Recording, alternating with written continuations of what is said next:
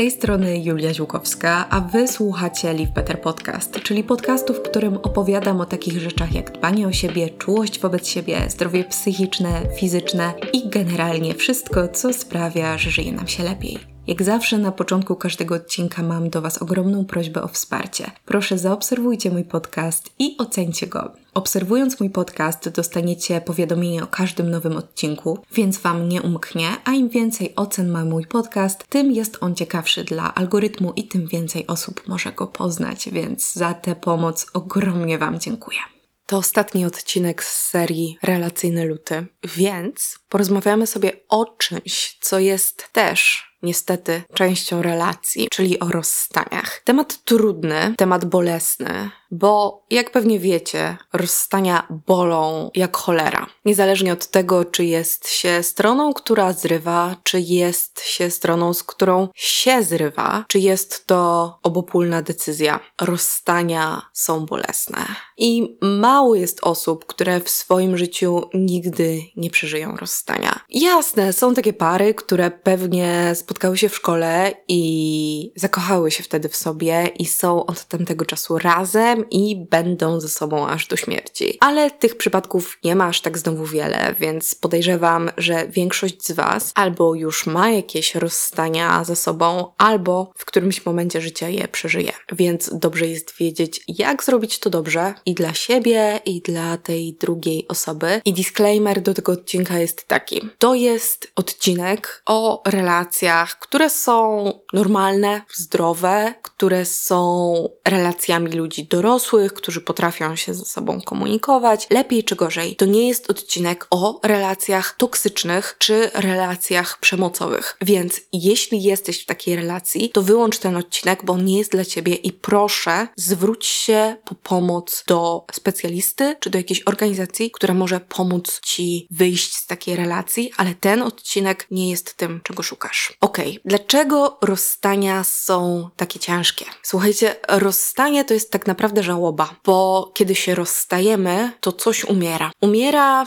nasz kontakt z drugą osobą, umiera relacja, którą mieliśmy, umiera uczucie, umiera również jakaś część naszego życia, która już nigdy nie wróci. Ale to, co warto pamiętać i to, co chcę, żebyście mieli i miały w głowie przez cały czas trwania tego odcinka i w ogóle w swoim życiu, to jest to, że to, że umiera jakaś relacja lub jakiś etap naszego życia, nie oznacza, że umieramy my lub coś w nas. To nie oznacza, że my jesteśmy potrzaskani, że jesteśmy w kawałkach, że jesteśmy wybrakowani czy niepełni. Nic nie może nam tego zrobić. My jesteśmy całością. Nasza dusza, nasz umysł, my jako osoba jesteśmy cały czas całością. Więc jeśli czujesz, że zabrano ci część siebie, że jesteś w kawałkach, to rozumiem, że tak czujesz, ale to nie jest prawda. Nic nie może sprawić, że nie będziesz całością. Jesteś całością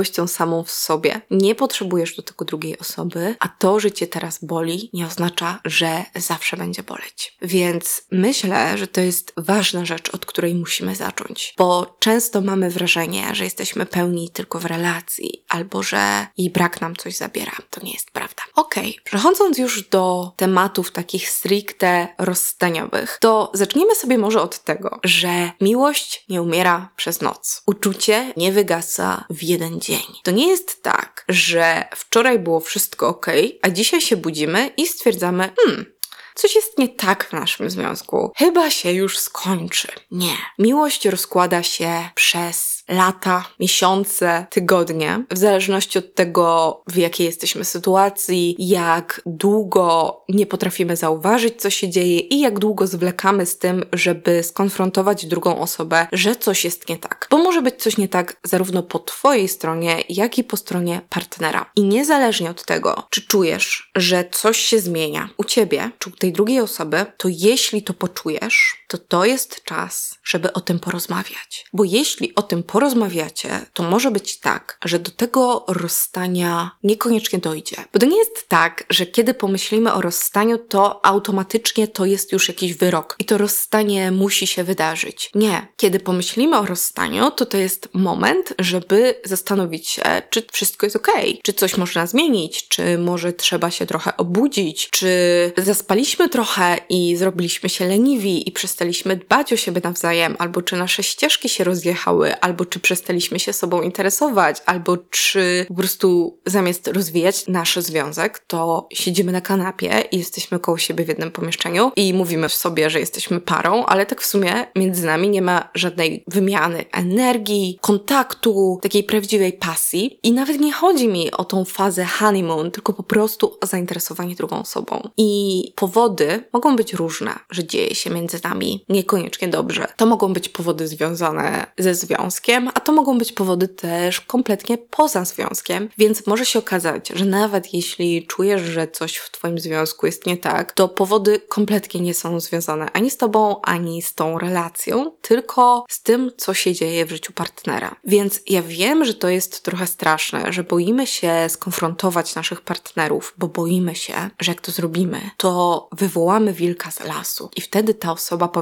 A, to jest ten moment! Okej, okay, zróbmy to, rozstajmy się tu i teraz. Słuchajcie, niekoniecznie, a nawet jeśli, to tak jak mówiłam, to nie jest tak, że miłość rozkłada się przez jeden dzień i jeden moment. Więc jeśli skonfrontujecie drugą osobę i druga osoba wam powie, no rzeczywiście chce się rozstać, to uwierzcie mi, że powodem nie jest to, że ją skonfrontowaliście, tylko wasz partner czy partnerka już dawno o tym myśleli i teraz nagle mają pole do tego, żeby to wybrzmiało. I nawet jeśli tak się stanie, to to nie jest wasza wina, że wy podnieśliście temat, tylko to by się stało prędzej później. A jeśli porozmawiacie, jeśli postaracie się zidentyfikować problem, skomunikować skomunikować się szczerze i zastanowić się, czy możecie coś zrobić, żeby żyło Wam się z powrotem lepiej, to możecie ocalić jeszcze Wasz związek. Ale to musi przyjść przed momentem rozstania, bo moment rozstania, moment, kiedy jedna osoba lub dwie już tak w sumie decydują, że to jest koniec, to jest za późno, żeby naprawiać związek. Więc jeśli chcecie mieć szansę na to, żeby ten związek naprawić, zacznijcie robić to wtedy, kiedy poczujecie, że coś jest nie tak. No dobra, przygotowałam sobie też takie poradniki o tym, co robić, kiedy ty z kimś zrywasz i kiedy z tobą się zrywa, bo te sytuacje niekoniecznie są tożsame, ale możecie wyciągnąć z każdej z nich jakieś dobre rzeczy dla siebie, po to, żeby zadbać jak najlepiej o siebie i o drugą osobę w tej sytuacji. Bo warto pamiętać o tym, że niekoniecznie tylko osoba, z którą się zrywa, jest w trudnej sytuacji. Osoba, która inicjuje rozstanie lub w wtedy, kiedy to jest obopólna decyzja, to również boli. To nie jest tak, że mamy tutaj przegranego i wygranego. To nie jest tak, że mamy tutaj stronę słabszą i silniejszą. To nie jest prawda. Osoba, która inicjuje rozstanie, często cierpi tak samo, tylko może w trochę inny sposób. Tylko może przeżywa to już dłużej, bo dłużej chodziła z tą myślą o rozstaniu. Nie jest w takim szoku, jak ta druga osoba, na którą to może przyjść znikąd, ale to nie znaczy, że tę drugą osobę mniej boli. Więc bądźmy wyrozumiali, zarówno do siebie, jak i do drugiej osoby, bo proces rozstania jest bolesny dla każdego. Więc jeśli ta druga osoba była dla Was ważna, nawet jeśli teraz już przestała być, to z szacunku do tej osoby i do siebie, i do tych lat czy miesięcy, w ogóle czasu, który spędziliście razem i uczucia, które w siebie nawzajem zainwestowaliście, powinni powinniście postarać się, żeby to zerwanie, to rozstanie było dojrzałe, mądre, łagodne i z troską i do drugiej osoby, i do siebie samych. I nie chodzi mi tutaj o taki sugar coating, o osładzanie wszystkiego, tylko o dorosłe, dojrzałe podejście. Więc kiedy ty zrywasz, kiedy ty jesteś osobą, która inicjuje rozstanie, pamiętaj, że dla drugiej osoby może to być szok, że to jest zawsze bardzo trudne usłyszeć coś takiego, więc podejdź do tej drugiej osoby z łagodnością, w bezpiecznej przestrzeni, znajdź na to czas, niech to będzie przemyślane. Sugeruję też, żeby wyznaczyć sobie termin rozstania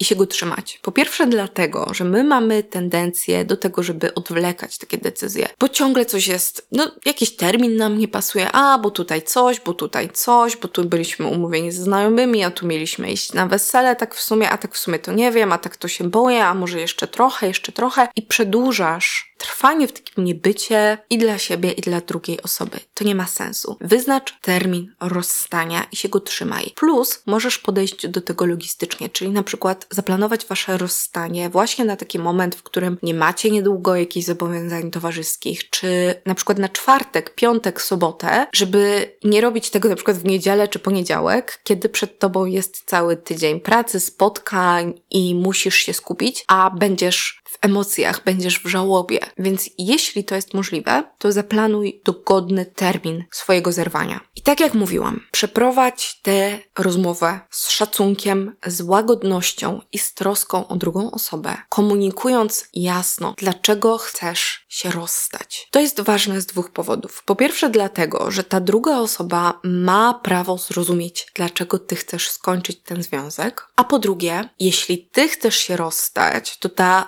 stanowczość jest bardzo ważna, żeby zakomunikować drugiej osobie, że nie ma powrotu, że to jest Twoja niezachwiana decyzja, że tak ma być i koniec, i Ty się nie wahasz, bo w takich momentach, kiedy nagle stoimy w obliczu utraty, panikujemy i często chcemy coś naprawić, i to jest już za późno. Więc możesz się spodziewać, że wtedy, kiedy druga osoba zostanie postawiona przed perspektywą utraty Ciebie, to będzie próbowała Cię odwieść od Twojej decyzji. Będzie najprawdopodobniej mówiła, że się zmieni, że wszystko możecie przepracować, że możecie, nie wiem, iść na terapię dla że możecie zrobić to, zrobić tamto, zrobić tamto, bo będzie przerażona perspektywą utraty ciebie. Więc twój komunikat powinien być jasny i konkretny. Chcę się rozstać i to jest moja niezachwiana decyzja. Bo jeśli wahasz się w swojej decyzji, to wróćmy do punktu pierwszego, czyli jeśli nie wiesz, czy chcesz się rozstać z drugą osobą, to do cholery porozmawiaj z nią. Spróbujcie to naprawić. Nie w momencie, kiedy komunikujesz rozstanie, ale w sumie trochę nie wiesz, może tak, może nie i się wahasz. Nie. Jeśli już komunikujesz rozstanie, to zaklinam na Boga. Niech to będzie Twoja ostateczna decyzja, bo to ułatwi dużo i Tobie, i tej drugiej osobie. I mam wrażenie, że są mieszane opinie na temat tego, na ile szczerzy powinniśmy być w powodach naszego rozstania.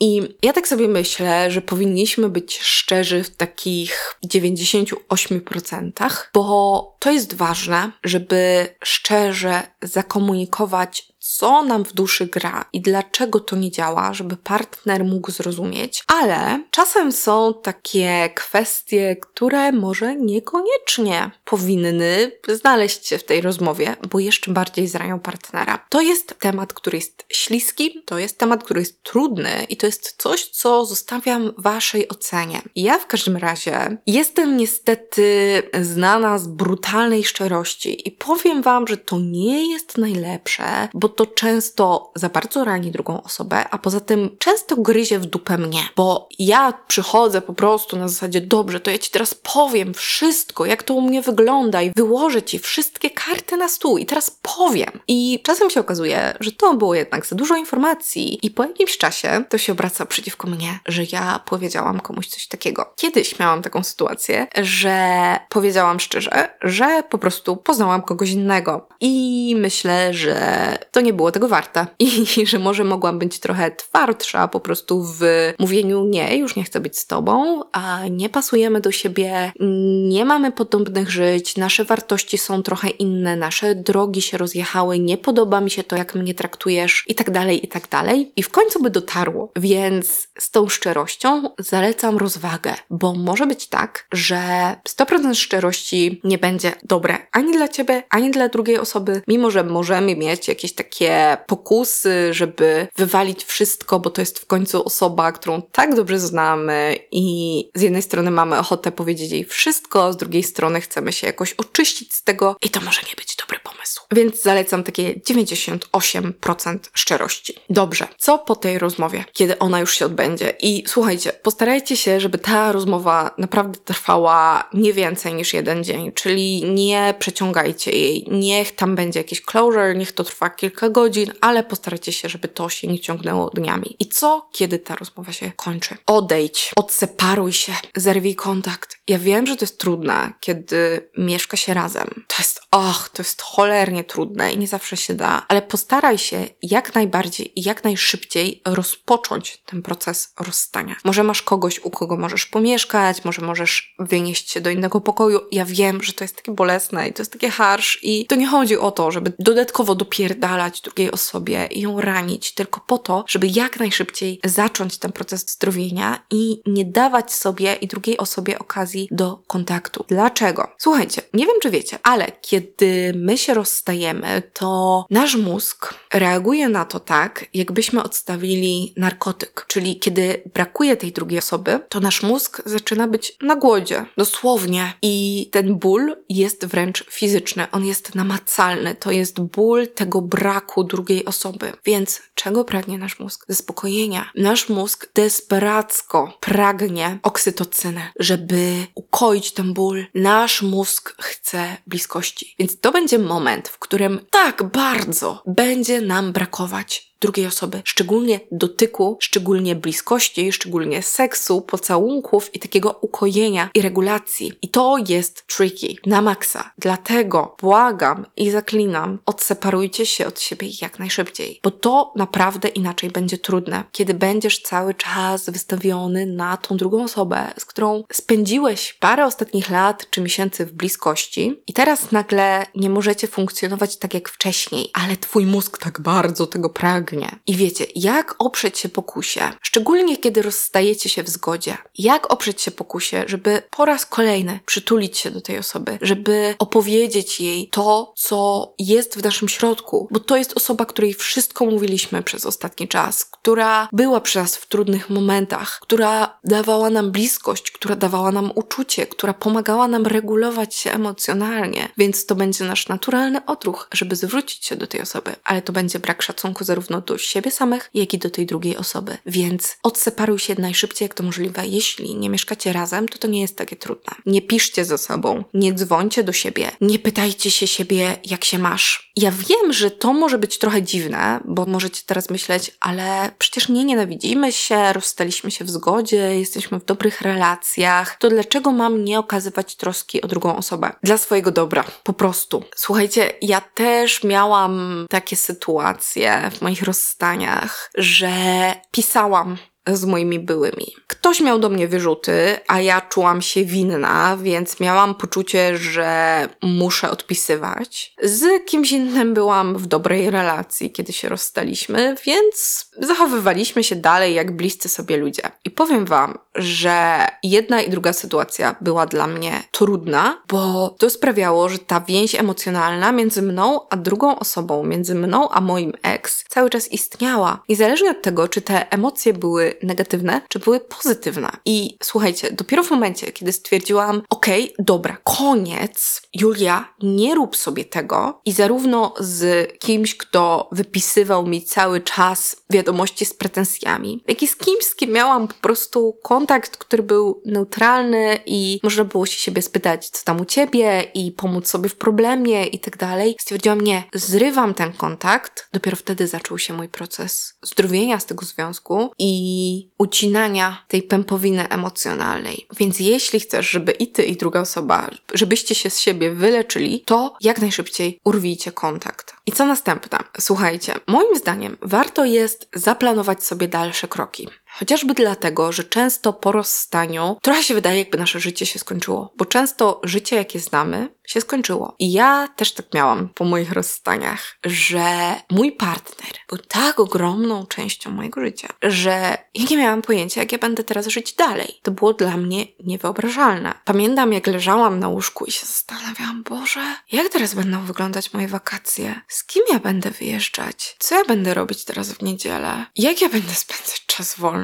I mi się wydawało, że to jest próżnia, w której nie ma nic i będę teraz po prostu samotna do końca świata i pewnie jeszcze w dodatku nigdy nie znajdę miłości. I wpadałam w taką spiralę i nie byłam w stanie wyobrazić sobie mojego życia. I za każdym razem pomagało mi to, kiedy zaczynałam planować i podejmować konkretne kroki, żeby postawić siebie na nogi, żeby wejść na nową ścieżkę życiową. Na przykład po jednym moim rozstaniu uznałam, że chcę wyprowadzić się do Warszawy i pójść na staż do agencji. To się nigdy nie wydarzyło, bo stwierdziłam jednak, że ten pomysł jest trochę poraniony, bo nie płacili za ten staż w agencji, więc musiałabym pracować gdzieś jeszcze, żeby pozwolić sobie na luksus stażu w agencji kreatywnej. Więc generalnie koniec końców olałam tę Warszawę, ale sam pomysł, że mam jakiś nowy cel, jakąś nową ścieżkę życiową, pomógł mi postawić się na nogi, pokazać, ok, życie biegnie dalej. Tak samo jeśli na przykład musisz się przeprowadzić, bo się rozstajesz z partnerem, z którym mieszkasz.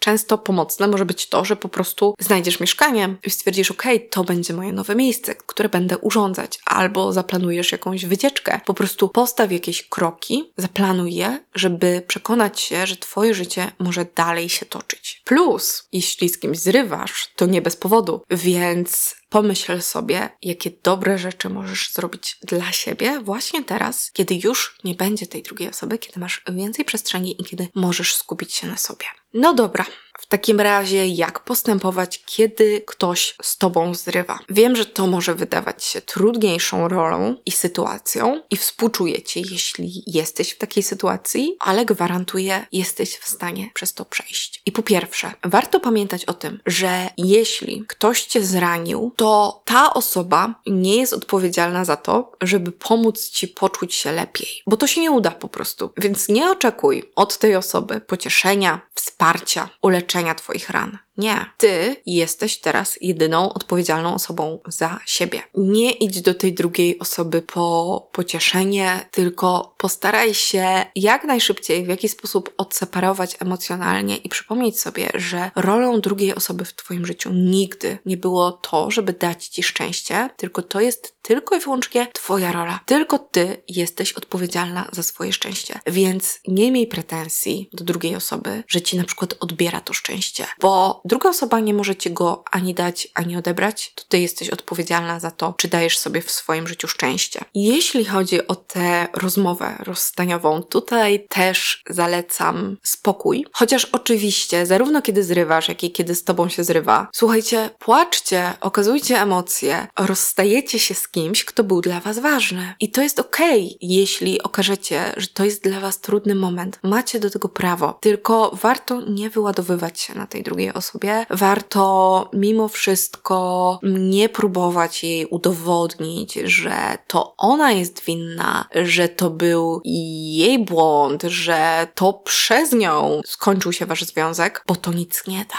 Ja wiem, że to jest kuszące, żeby dostać takie closure i żeby udowodnić tej drugiej osobie, że to nie ty jesteś złą stroną, że to ta druga osoba spieprzyła i teraz ci się przypominają. Wszystkie te razy, kiedy ktoś coś spierdolił, odpuść sobie. Ja wiem, że to jest kuszące, ale koniec końców gwarantuję, że nic ci to nie da, bo do drugiej osoby najprawdopodobniej to i tak nie dotrze, a tylko zalejecie się jakimiś okropnymi, bolesnymi, negatywnymi emocjami, jeszcze bardziej niż to jest potrzebne. Więc płacz, reaguj, zadawaj pytania, żeby zrozumieć, żeby wiedzieć o co chodzi, żeby móc ze spokojem ducha pójść dalej, ale nie próbuj odwieść drugiej osoby od jej decyzji. Bo zastanów się, czy chcesz być nadal w związku z osobą, która już podjęła decyzję, że nie chce być w takim związku z tobą, wydaje mi się, że to nie ma większego sensu. Więc jak najbardziej komunikuj się, jak najbardziej racjonalnie, jak dasz radę, chociaż to może być trudne i masz do tego prawo, ale zaakceptuj to, jaka jest decyzja tej osoby. I powtórzę, nie próbuj swojemu byłemu partnerowi udowadniać błędów, nie próbuj szukać zemsty, bo to nie da ci closure to nie da ci ulgi, to nie sprawi, że będzie ci lepiej. Nie próbuj zranić drugiej osoby. Jeśli uważasz, że druga osoba cię skrzywdziła i popełniła błąd, to oczywiście możesz jej to zakomunikować, ale nie w taki sposób, żeby się na niej zemścić, czy żeby zrobić jej krzywdę. Jeśli uważasz, że rzeczywiście ktoś zrobił ci coś złego, to jaki jest sens robić też coś złego drugiej osobie? Słuchajcie, prawo karmy mówi, że energia, którą wysyłamy do świata, prędzej czy później później wróci do nas w tej samej postaci. W związku z czym, jeśli ktoś nas naprawdę skrzywdził, to najprawdopodobniej prędzej czy później ta energia do niego wróci. Co za tym idzie?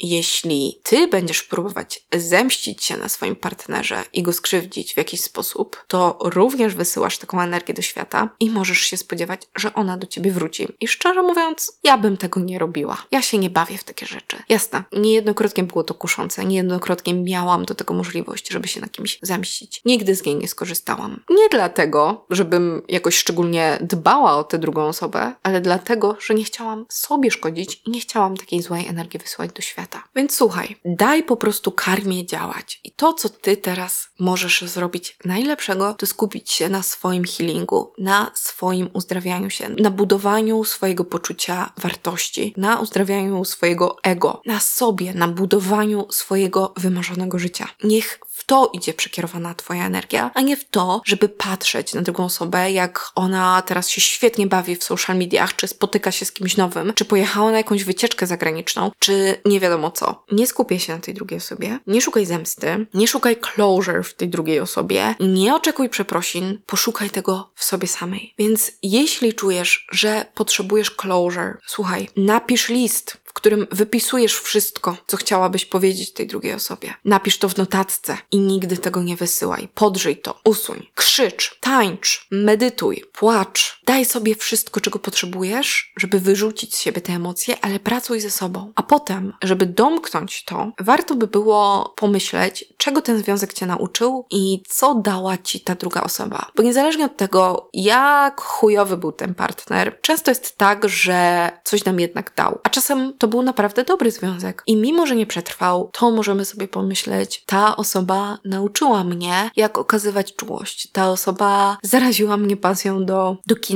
albo do biegania. Ta osoba była przy mnie w bardzo trudnych momentach mojego życia. Ta osoba traktowała mnie tak, że nauczyła mnie, jak wygląda toksyczny związek i żeby już nigdy w niego nie wchodzić. Niezależnie jaki to był związek, jesteśmy w stanie wynieść z niego jakieś lekcje, więc warto jest wypisać sobie, podsumować, jakie lekcje wynieśliśmy z tego związku, co zawdzięczamy drugiej osobie i to zamknąć. I dzięki temu możemy iść w przyszłość, dlatego że dzięki temu jesteśmy bogatsi o jakieś doświadczenie i możemy lepiej budować siebie, jak i nasze przyszłe związki, bo możemy wtedy jeszcze lepiej określać, w jakich związkach chcemy być, a w jakich związkach nie chcemy być, jak chcemy, żeby nasz związek wyglądał i czego absolutnie nie możemy zaakceptować. I często związki są właśnie po to. Ja też uważam, że jeden z moich związków pokazał mi, jak wygląda toksyczny związek i sprawił, że już nigdy w życiu w taki nie wejdę. A inny mój związek pokazał mi, jak może wyglądać dobry i bezpieczny związek. I on też nie przetrwał, mimo że był dobry i bezpieczny. Ale to nie znaczy, że był zły. Więc biorąc całe bogactwo tych związków, w których byłam, mogę zrobić z tego jakąś sumę i stwierdzić, ok,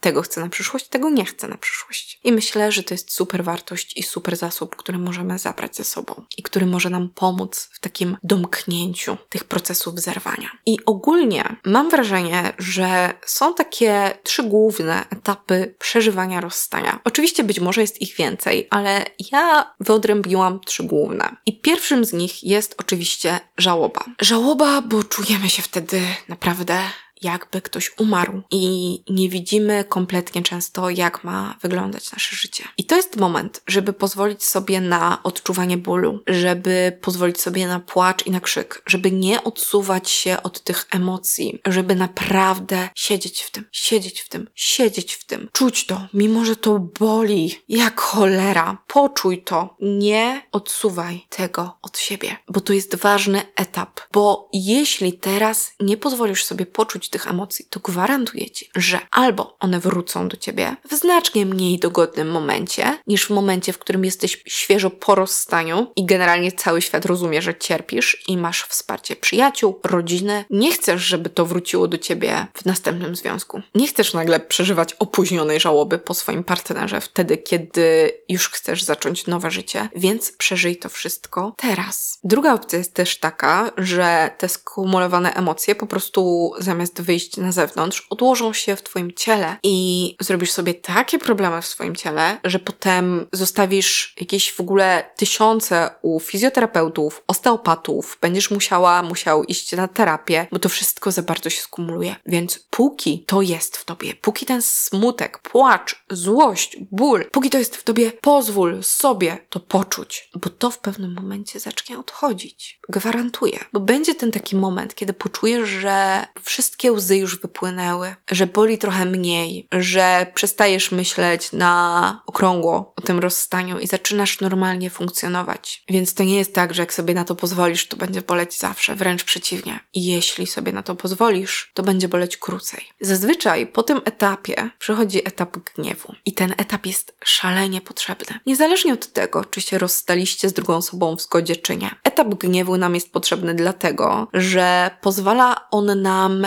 rozluźnić nasze połączenie emocjonalne z drugą osobą. Pozwól sobie na ten gniew, bo to on pozwoli ci przeciąć to połączenie, oddalić się emocjonalnie. I nawet jeśli wydaje ci się to trochę głupie, bo ja też miałam takie sytuacje, że w sumie rozstałam się w zgodzie, a potem byłam wściekła na tego partnera i było mi strasznie głupio, ale moja terapeutka mi też powiedziała: Julia, ale to pozwala ci odciąć się od tej osoby, przestać za nią tęsknić i po prostu się z tego wyleczyć. Powiedziałam: A, okej, okay.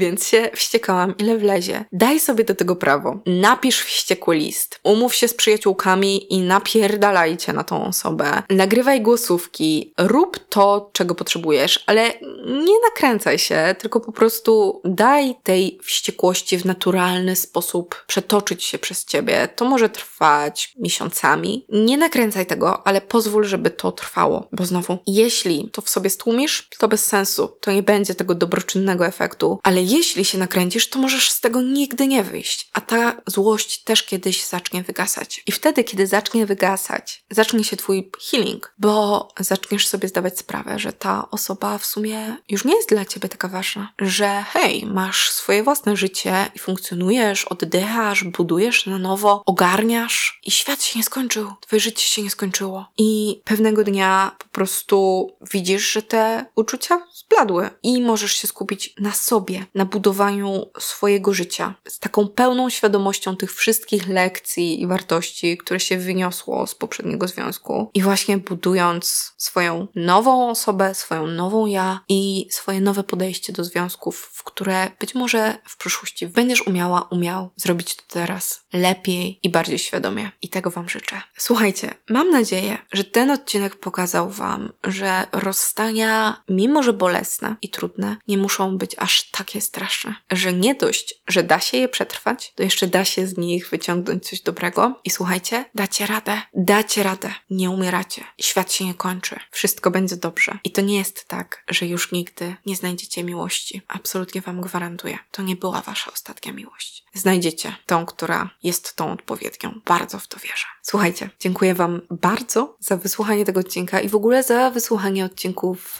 z serii Relacyjne Luty. Mam nadzieję, że ta seria Wam się podobała. Ja miałam dużo, chciałam powiedzieć zabawy, ale to nie do końca była zabawa. Miałam dużo przemyśleń i dużo refleksji, kiedy nagrywałam te odcinki, więc to była też ciekawa podróż w głąb siebie i mam nadzieję, że Was ta seria też do tego zaprosiła. No i co? I słuchajcie, słyszymy się już w marcu. Więc w marcu już będą nowe odcinki, które nie będą związane z relacjami, tylko wejdziemy sobie trochę bardziej już w energię wiosenną, w energię robienia, planowania i działania. Kto się nie może doczekać i ja się nie mogę doczekać. Także słyszymy się jak zwykle za tydzień w środę o 7 rano. Zapraszam Was do tego, żeby ocenić mój podcast, napisać do mnie wiadomość, zostawić komentarz i podzielić się tym podcastem z znajomymi. Będzie mi bardzo miło. Także do usłyszenia. Hej! Bye.